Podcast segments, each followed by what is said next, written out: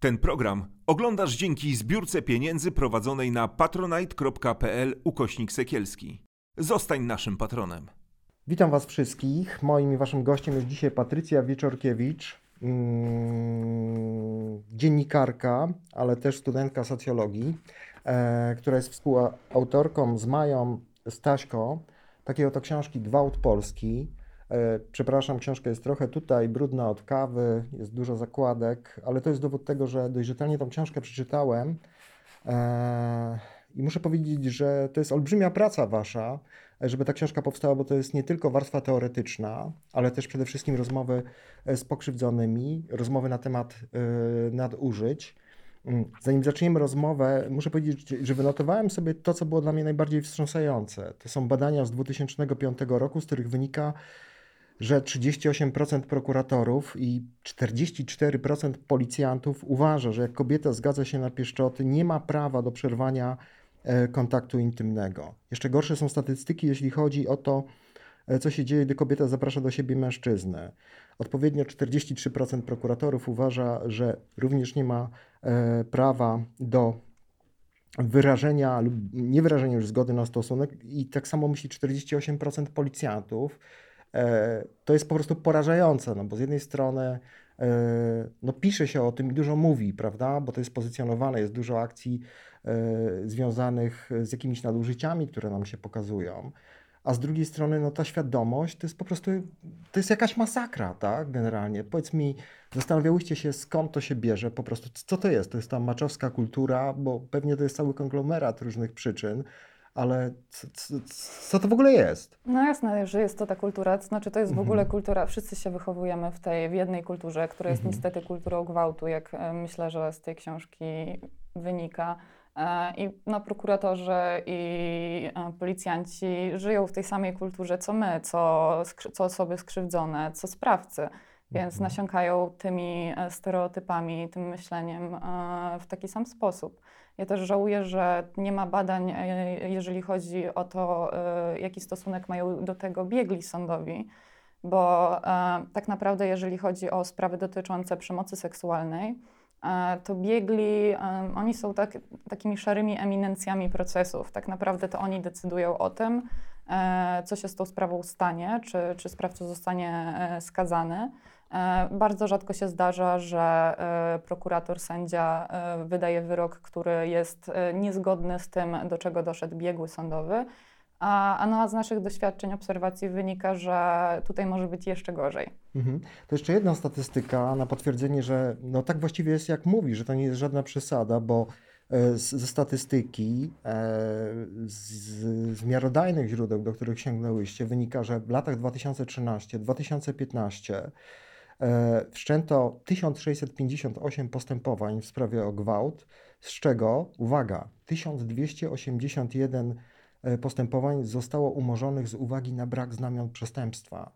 E, no to pokazuje, że zaledwie z tej całej masy spraw 30 kilka procent kończy się E, jakimś wyrokiem albo inną formą, no bo brak znamion czasami jest e, też możliwość na przykład, nie wiem, umorzenia takiego postępowania e, z uwagi na przedawnienie. E, mówiłaś tutaj o biegłych, że są taką szarą eminencją tego procesu. Rzeczywiście chyba tak jest, że. Ja mówię tutaj oczywiście o biegłych e, psychologach, psychiatrach, bo biegli mhm. też są z bardzo różnych dziedzin i tak, tak. w sprawie o gwałt są też biegli, którzy badają fizycznie, tak? E, mhm. ale ja tutaj mówię o tych biegłych, psych głównie psycholożkach, jeżeli, jeżeli chodzi, to też jest zaskakujące, że to właściwie nie ma żadnej różnicy, jeżeli chodzi o E, obecność tych stereotypów i tego myślenia w opiniach wydawanych przez kobiety i przez mężczyzn. Czy w ogóle e, nie ma też różnicy, czy sędzią jest kobieta czy mężczyzna? Mhm. E, przynajmniej my nie zauważyłyśmy i też prawnicy, z którymi rozmawiałam, też mówili, że nie mają takiego doświadczenia, żeby była tutaj wyraźna różnica. Natomiast to, co ty mówisz, to są takie suche statystyki, ale my jakby jak najbardziej się to potwierdziło i ma to swoje odbicie w tych historiach, które my zebrałyśmy. To znaczy, chyba wszystkie osoby mówiły nam, że e, zgłoszenie sprawy było dla nich i ten proces, który, który później nastąpił, no, był dla nich traumatyczny. E, większość mówiła, że żałuje zgłoszenia. e, obliczyłyśmy, że no ty mówisz o tych, o tych umorzeniach, tak, że, że to są dane z 2015 roku, ale tutaj się wiele nie zmieniło, że 67% spraw dotyczących zgwałcenia zostaje umorzonych e, i my wyliczyłyśmy, Z patrząc... uwagi na brak znamion. E, No tak, głównie Mhm, brak dowodów. Tak, E, tak. Też bardzo często jest to po prostu brak wystarczających dowodów. A jak wiadomo, w przypadku przemocy seksualnej jest ciężko o te dowody, zwłaszcza jeżeli osoba pozostaje w relacji ze sprawcą, jeżeli wcześniej na przykład była z nim w związku. Mhm. E, Jest tutaj bardzo trudno udowodnić, że to był gwałt, a nie e, konsensualny stosunek. A jak wiemy, 80% e, spraw, mniej więcej 80% gwałtów jest dokonywanych przez osoby bliskie, najczęściej przez partnerów czy byłych partnerów. Mhm. My obliczyłyśmy, że biorąc pod uwagę, że ponad 90% e, skrzywdzonych nie zgłasza tego, to są dane Fundacji STER, e, które tam ich metodologia w tych badaniach e, była podważana, czy, czy, czy to jest reprezentatywna próba. Natomiast to, się mniej więcej pokrywa z tymi danymi, które znamy ze świata, e, że mniej więcej 90% skrzywdzonych tego nie zgłasza. One chyba mówiły o e, 95%. pro- 95%. E, I biorąc pod uwagę to e, i to, ile spraw zostaje umorzonych, czyli oko- około ponad 60%, 67 było w 2015, e, plus z tych, które e, nie zostają umorzone, e, tylko kończą się wyrokiem skazującym, od 30 do 40% to są wyroki w zawieszeniu. E, I wychodzi z tego, że bodajże nie więcej 2,5, niż 2,5% sprawców idzie do więzienia. To, o czym mówisz, y, potwierdzałoby to takie wejście w ten temat, że w zasadzie mm, najważniejsze jest to, co powiedzą biegli, reszta jest tłem. E, I tak w zasadzie, jak czytałem tę książkę, to mam takie wrażenie, że to pokrzywdzony musi udowadniać i tłumaczyć się gęsto, często przed sądem, dlaczego przez wiele lat zwlekał z zawiadomieniem o popełnieniu przestępstwa. Zwlekała. Zwlekała, Zwykle. oczywiście zwlekała. E, Dlaczego e, to jest tak, że pozostawał, pozostawała w związku ze swoim oprawcą? A przecież, e, jeśli prześledzi te wszystkie historie, które są tu opisane, często jest tak, że te osoby nie miały innego wyjścia. Było to związane z przemocą ekonomiczną, ale też z takim modelem wychowania w grzeczności i usłużalności mm, w takiej przemocowej relacji. E, Tu jest wstrząsające świadectwo e, jednej z ofiar, która opowiada, że kiedy miała 12 lat, zgłosiła e, nadużycie i rodzice jej poprosili o to, żeby przeprosiła wujka za to, że zawiadomiła o popełnieniu przestępstwa. No, to jest Tak, coś i ona to zrobiła i wycofała swoje oskarżenie. Powiedziała na policji, e, że, że skłamała i wycofała się. To jest ta historia, tak? Przepraszam, bo mnie się Jedna już z one... pierwszych, tak, E, tak. mnie- my się też dzieliłyśmy z Mają tak Ja naprawdę. Mhm. E, miałyśmy po połowie tej Tak, historii. tak, to akurat tak. nie jest moja. Mhm, mhm. E, ale jeżeli chodzi o tych biegłych, to jest moim zdaniem jeden z najważniejszych elementów tej książki i w ogóle, jeżeli chodzi o e, potrzebę zmian e, w polskim systemie prawnym. A co by można było zrobić? Wiele rzeczy można by było zrobić. Po pierwsze, znaczy ważna jest oczywiście e, zmiana definicji zgwałcenia, bo e, w wielu przypadkach biegi mają tutaj też związane ręce. E, przez to, że defi- definicja jest taka, jaka jest, e, według doktryny e, skrzywdzona się musi bronić, stawiać ciągły, nieprzerwany opór e, itd., itd. E, zwykle tego nie robi. A jeżeli chodzi o tych biegłych, to e, dlaczego chciałabym jeszcze tutaj powiedzieć, dlaczego oni są tutaj tak ważni, e, Mhm. w, bo problem z biegłymi sądowymi dotyczy nie tylko sytuacji gwałtu. W ogóle mamy w Polsce olbrzymi problem, oni so, e, mają bardzo mało, e, bardzo niskie stawki otrzymują, nie licząc tam jakichś dużych spraw karno-gospodarczych. Mhm. E, to są bardzo małe pieniądze, bardzo mało osób chce to robić, odpowiedzialność jest duża. Nie ma, żadnych, e, nie ma żadnego zobowiązania do tego, żeby biegły aktualizował w jakikolwiek sposób swoją wiedzę. Czyli to są często osoby, które na przykład skończyły studia psychologiczne 40 lat temu, od tego czasu nie przeczytały absolutnie żadnej książki ze swojej dziedziny, nie miały kontaktu z ofiarami przemocy, bo na przykład e, w swojej karierze zawodowej skupiały się na terapii par albo terapii uzależnień I prezes sądu, który wpisuje biegłych, biegłych na listę przy, taką przy sądzie, E, tak naprawdę w, w, żaden sposób nie jest to. Ja, ja ostatnio wysyłałam zapytania do sądów, e, jak oni w ogóle weryfikują to, czy, czy, ta, czy ta osoba ma wiedzę z tej dziedziny. Mhm. E, no i to się właściwie nie dzieje. Oni tam mają przedstawić swoje tam świadectwo zakończenia studiów, jakieś dyplomy, certyfikaty, natomiast nie ma szkoleń, nie ma obowiązku, żeby oni tę wiedzę aktualizowali. aktualizowali. Nikt tego nie sprawdza. I to, co można by było zmienić z takich konkretnych rozwiązań, e, to jest to, żeby prezes sądu, wpisując tych biegłych na listę, określał konkretnie, że potrzebuje biegłych, którzy mają doświadczenie w pracy z osobami e, po traumach seksualnych. Bo to jest tak, e, ostatnio rozmawiałam z mecenasem Grzegorzem Wroną, który się od bardzo wielu lat zajmuje reprezentowaniem ofiar przemocy. I on słusznie tutaj zauważył, że to jest trochę tak, jakby prawnik zajmujący się prawem podatkowym miał orzekać w sprawie dotyczącej, nie wiem, prawa kosmicznego. Mhm. No tak, z jednej strony jest prawnikiem, a z drugiej strony. No, tak, to są bardzo różne działki i, i z mojego doświadczenia wynika, że prezesi w ogóle się cieszą, że mają takich biegłych, dlatego że potrzeby są bardzo duże, bo yy, składanych Bo w ogóle ich brakuje. No bo, bo w ogóle ich brakuje. Ale mówiłaś tutaj o definicji gwałtu i chciałbym trochę zahaczyć o konwencję stambulską, dlatego że yy, jest takie zalecenie w tej konwencji, yy, żeby redefiniować gwałt. E, I ten gwałt e, generalnie ma, ma zakładać brak rozumianej chociażby zgody drugiej strony na relację E, intymną, a ja często w swojej praktyce spotykam się z taką sytuacją, gdzie kobieta e, jest przekonana, że nie chciała tej relacji, złej relacji, natomiast mówi o pewnym paraliżu, i to z psychologii już wynika, że często ten strach odcina nam po prostu jakieś możliwości przeciwstawiania się. Już pomijam kategorię obiektywną, związaną z siłą, e, z agresywnością sprawcy często pijanego.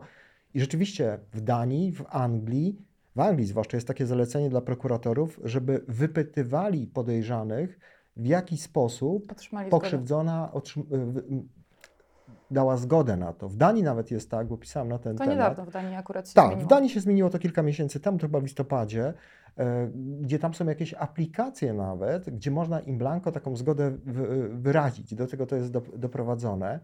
Natomiast w Polsce rzeczywiście chyba tak jak mówisz, że e, kobieta nie krzyczy, bo śpią obok dzieci i nie chce ich ranić, prawda? Na przykład, to znaczy tych powodów jest więcej. E, to jest, znaczy w ogóle w sytuacji traumatycznej my nie jesteśmy w stanie podejmować racjonalnych decyzji, tylko działają nasze pierwotne instynkty obronne, a zamrożenie jest jednym z podstawowych, kiedy nasz organizm stwierdza, to nie jest też na poziomie świadomym, że my stwierdzamy, mhm. że o kurczę, chyba nie dam rady się wykaraskać z tej sytuacji, tak? tak. E, że tylko po prostu nasz organizm stwierdza, e, że nie jest możliwa e, żadna, żadna z podstawowych dwóch reakcji, czyli uciekaj albo walcz. Mhm. Bo na przykład e, taka reakcja mogłaby spowodować, że nasza sytuacja będzie jeszcze gorsza, bo na przykład ktoś nas zabije czy zrani, trwale uszkodzi nasze ciało.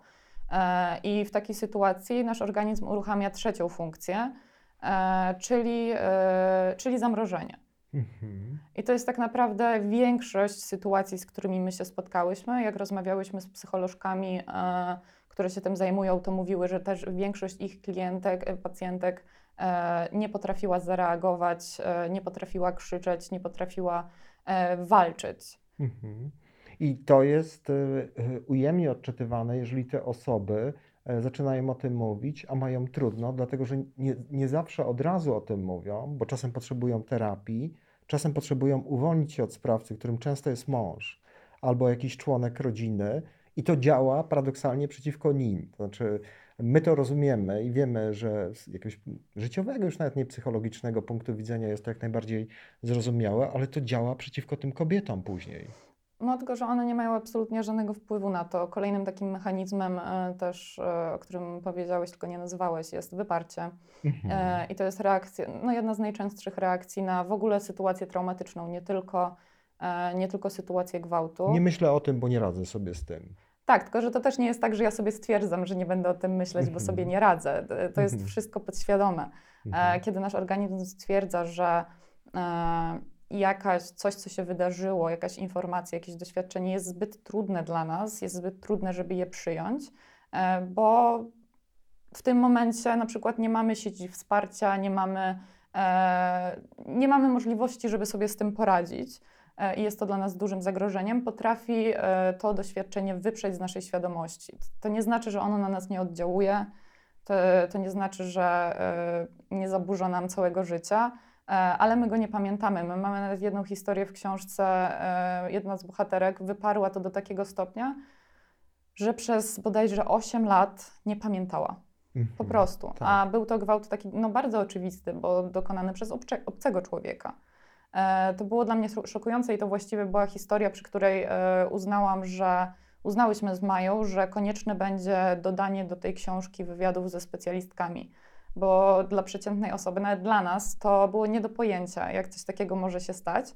E, nasze początkowe założenie było takie, że będą to same pierwsze głosy e, osób, jak e, osób skrzywdzonych, jako najlepszych ekspertek od spraw swoich traum, swoich doświadczeń.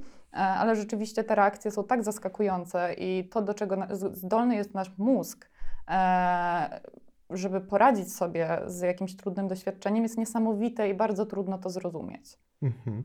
No, wiesz, najbardziej przerażające chyba jest też to, tak mi się wydaje, że e, szokujące jest to, że przez 8 lat y, ktoś wypiera e, takie doświadczenie, a jeszcze chyba większe spustoszenie czyni to, że nie potrafi powiązać swoich jakichś aktualnych deficytów związanych z relacjami. Tak z umiejętnością bycia sam ze sobą, no właśnie z tym doświadczeniem. Tak, to był właśnie taki przypadek, bo ta dziewczyna przez te całe 8 lat e, bardzo boleśnie odczuwała skutki tego, co się stało. E, miała zupełnie zaburzone życie seksualne, miała ogromne problemy z bliskością i tak naprawdę zajęła się tym dopiero, kiedy w takim związku, w którym, na którym naprawdę jej zależało, e, zaczęła się zastanawiać. No, to życie seksualne było, e, było bardzo mocno zaburzone i ona nie wiedziała dlaczego.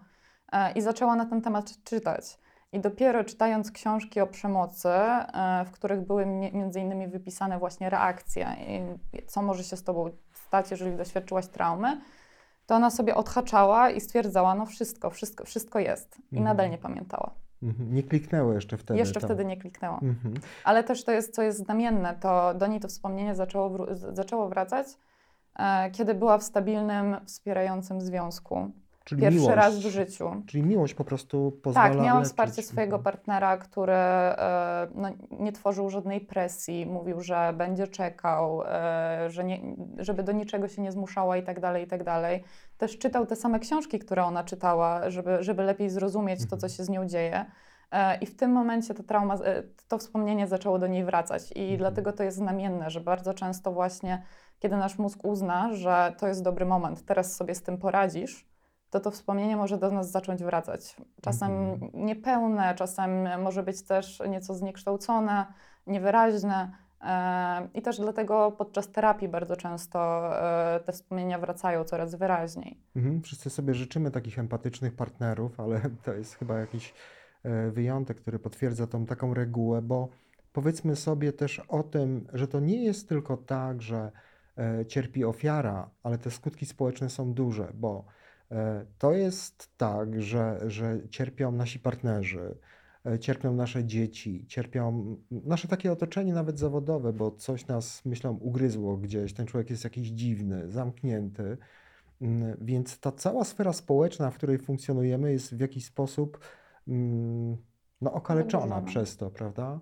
A przerażające jest to, i też podajecie tą statystykę, i naprawdę trzeba o tym mówić, że E, według badań, które prezentujecie, 57% y, Polaków doznało przemocy. To już nie mówimy tylko o przemocy seksualnej, ale mówimy po prostu o takim e, złym doświadczeniu. Ty masz wrażenie, że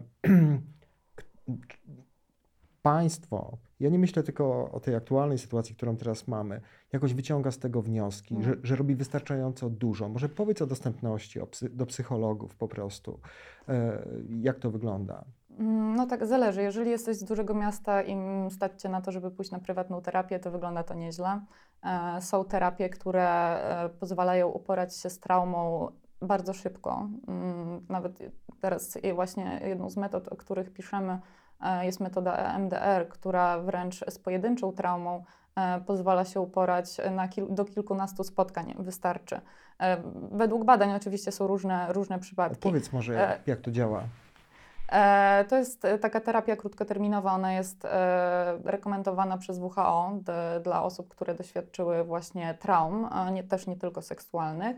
E, I to jest terapia, która jest e, zanurzona w neuropsychologii. E, ona nie polega tylko na rozmowie, tak jak większość terapii. Właściwie też jest dlatego dobra dla osób po traumie seksualnej, że nie muszą mówić ze szczegółami o swoich najtrudniejszych doświadczeniach. Nie potrzeba tego, nie muszą tego rozgrzebywać głęboko. Wystarczy, że terapeuta wie mniej więcej, co się wydarzyło, a reszta to wystarczy, że my to wiemy. E, I to jest terapia, która polega na e, stymulacji, e, naprzemiennej stymulacji dwóch półkul mózgowych. Ja nie jestem psychologiem. Nie Neuropsychologiem. Czy, czy, czy, tym bardziej neuropsychologiem. Ale daje to efekty ale daje to bardzo szybkie efekty. To znaczy, jeżeli też jeżeli osoba przed tym doświadczeniem, na przykład gwałtu, E, miała inne doświadczenia przemocowe, e, na przykład w dzieciństwie e, była, była bita, czy w ogóle karana w jaki, jakikolwiek sposób cieleśnie, albo nawet była zmuszana do ubierania czegoś, czego nie chciała, albo nawet jedzenia czegoś, czego nie chciała, to ta trauma seksualna później może być głębsza.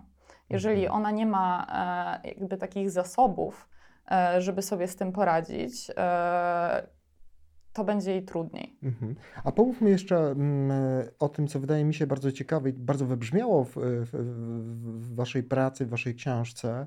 E, to jest kwestia właśnie stereotypów na, na temat gwałtu. E, no, widzieliśmy wiele głośnych książek, Ortodoks, e, Samotna kobieta, Kalifat.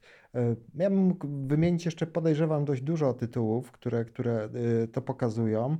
E, i potwierdzają te tezy, e, które są postawione w konwencji stambulskiej, która jest chyba jednak oparta na pewnych badaniach empirycznych, że właśnie uwarunkowania kulturowe roli kobiety, socjalizacja religijna e, i też taka rodzinna często niestety przekazywana w dobrych intencjach na pewno, no powoduje niesamowitą, niesamowite, niesamowite E, szkody. To jest przede wszystkim taki brak oparcia ofiary w środowisku rodzinnym, e, gdzie jeszcze jest potępiana za to, że ty wyrządzasz szkodę jeszcze nam, nam robisz krzywdę, że o tym mówisz prawda? Albo nawet sprawcę. Albo to jest. Coś, z tym też się spotykałyśmy właściwie y, na każdym kroku. Y, bywały też nawet sytuacje, gdzie biegły, nie wiem czy to jest w książce, to, czy, czy, czy to, bo też były dużo takich historii, y, którymi, którymi my się zajmowałyśmy poza książką, bo zaczynałyśmy mhm. po prostu jako osoby wspierające osoby po przemocy. I zdarzał, zdarzały się sytuacje, że na przykład bieg, biegła sądowa w czasie przesłuchania mówiła do skrzywdzonej, że Mm, ale on jest sprawca, on jest lekarzem. Dla niego to już jest wystarczająca kara, że on musi tu przyjeżdżać. Czy nie uważasz, że to, jest, że to, że to już wystarczy? W innej sytuacji dziewczyna usłyszała, że e, domagając się e, sprawiedliwości, tak, walcząc, walcząc o nią, jest taka sama jak sprawca, bo, e, bo chce zemsty.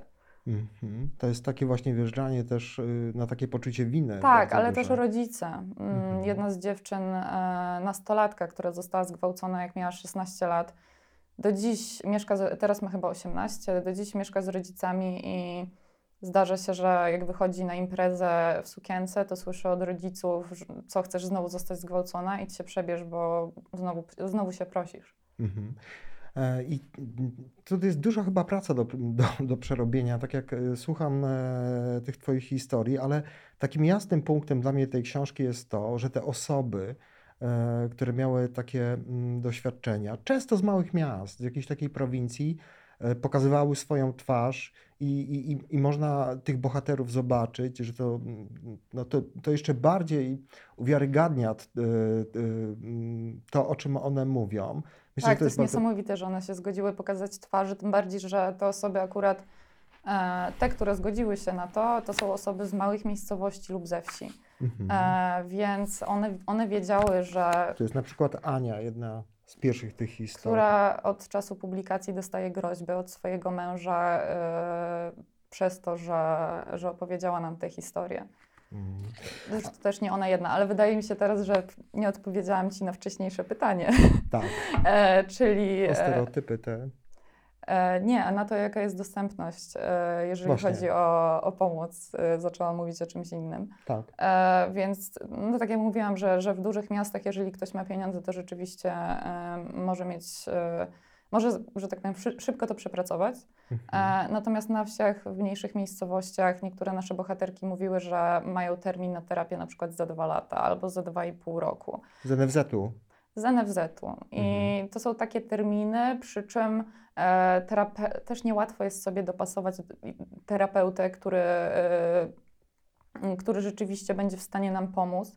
E, często trzeba pójść do dziesięciu, żeby znaleźć tego, który, który będzie dla nas odpowiedni. I też na, starając się o takie wsparcie na NFZ, nie do końca możemy sobie dobrać metodę terapeutyczną, w której chcemy.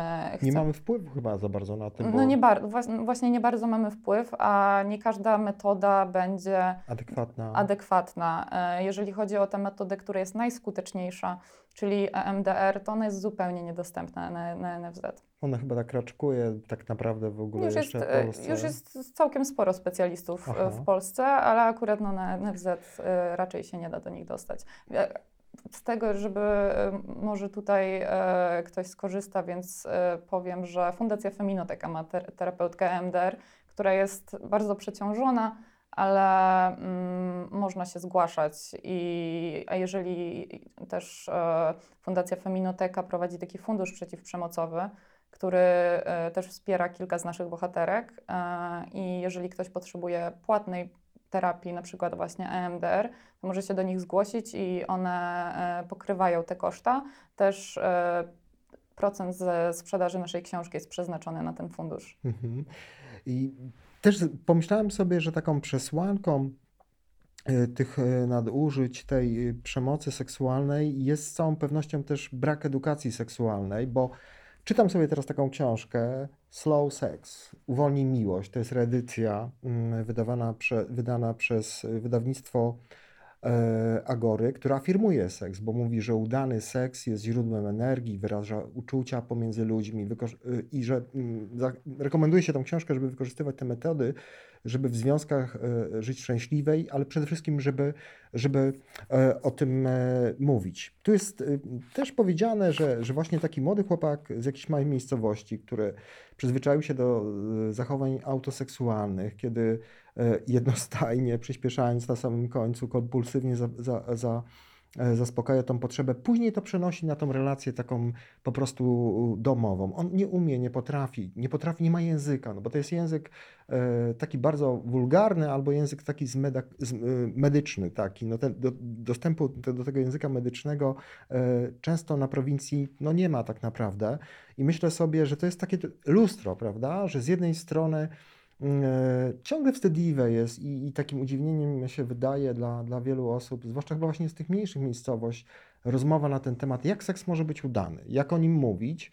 E, I może to też jest właśnie taka przesłanka tego, że, e, że ci agresorzy, ci ludzie, którzy nie potrafią sobie poradzić, którzy się czują zranieni, bo może źle coś robią po prostu w jakiejś relacji intymnej. Ja nie chcę, broń Boże, się nad nimi litować. Ale... Nie, nie o to chodzi, ale to jest słuszna uwaga. To jest też nasza obserwacja, że E, bardzo wiele e, bohaterek książki mówiło nam, że one są pewne, że ich oprawca nie wiedział, mm -hmm. że nie wiedział, że je krzywdzi.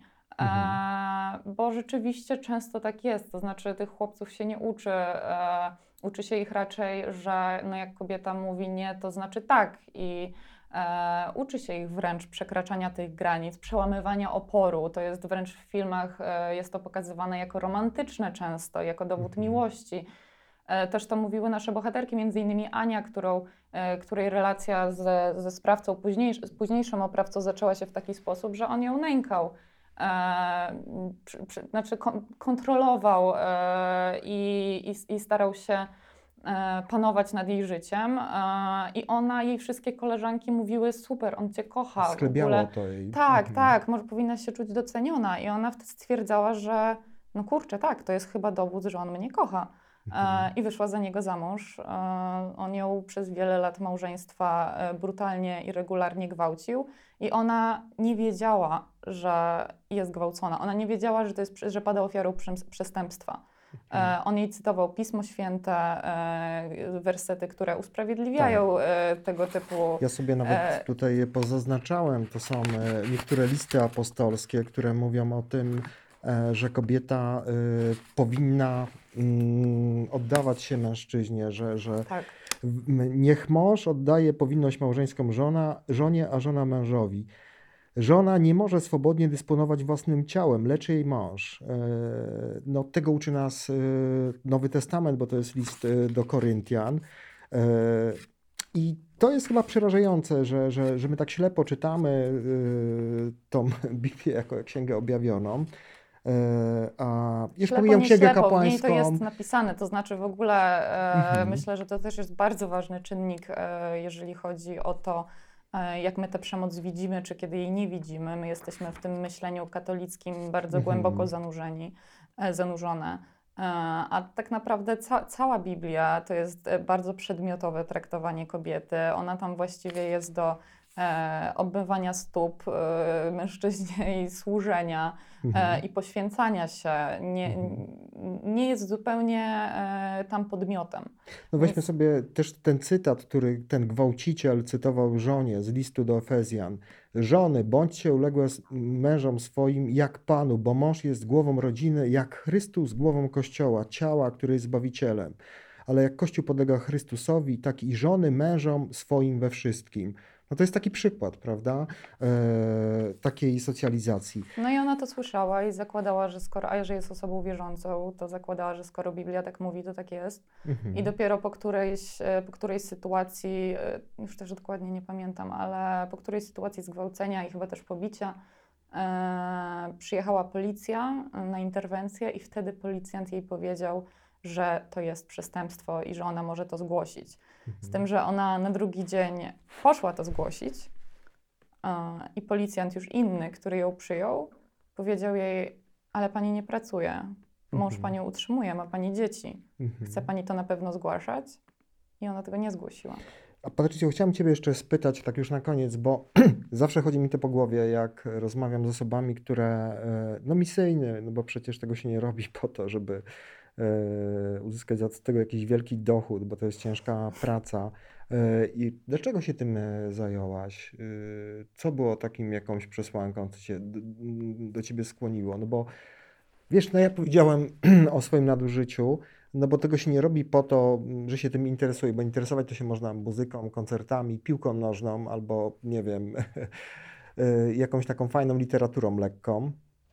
No mnie akurat interesuje w ogóle z, e, temat ludzkiej seksualności, więc, e, mhm. e, więc to jest dla mnie temat interesujący, zwłaszcza te, e, no, te temat właśnie mechanizmy obronne i te mechanizmy psychologiczne, o których e, są wywiady w naszej książce, to było dla mnie coś absolutnie fascynującego tak. i to jak, jak trauma działa na nasz układ nerwowy, to, że on się, jak to się zapisuje, jak trauma zapisuje się w ciele, to, że trauma rozregulowuje nasz ten układ nerwowy i taka terapia właśnie jak EMDR polega na uregulowaniu go e, z powrotem. tak. Więc to było dla mnie bardzo ciekawe, ale dlaczego się zajęłam akurat tym? E, no to się stało na fali mitu. E, mhm. ja, I ja i Maja mm, dołączyłyśmy na samym początku do, e, do tej akcji e, i wyraziłyśmy wsparcie, opowiedziałyśmy o jakichś swoich doświadczeniach publicznie e, i, e, i wyraziłyśmy e, wsparcie dla innych osób, i wtedy po prostu rozwiązał się jakiś worek z traumami.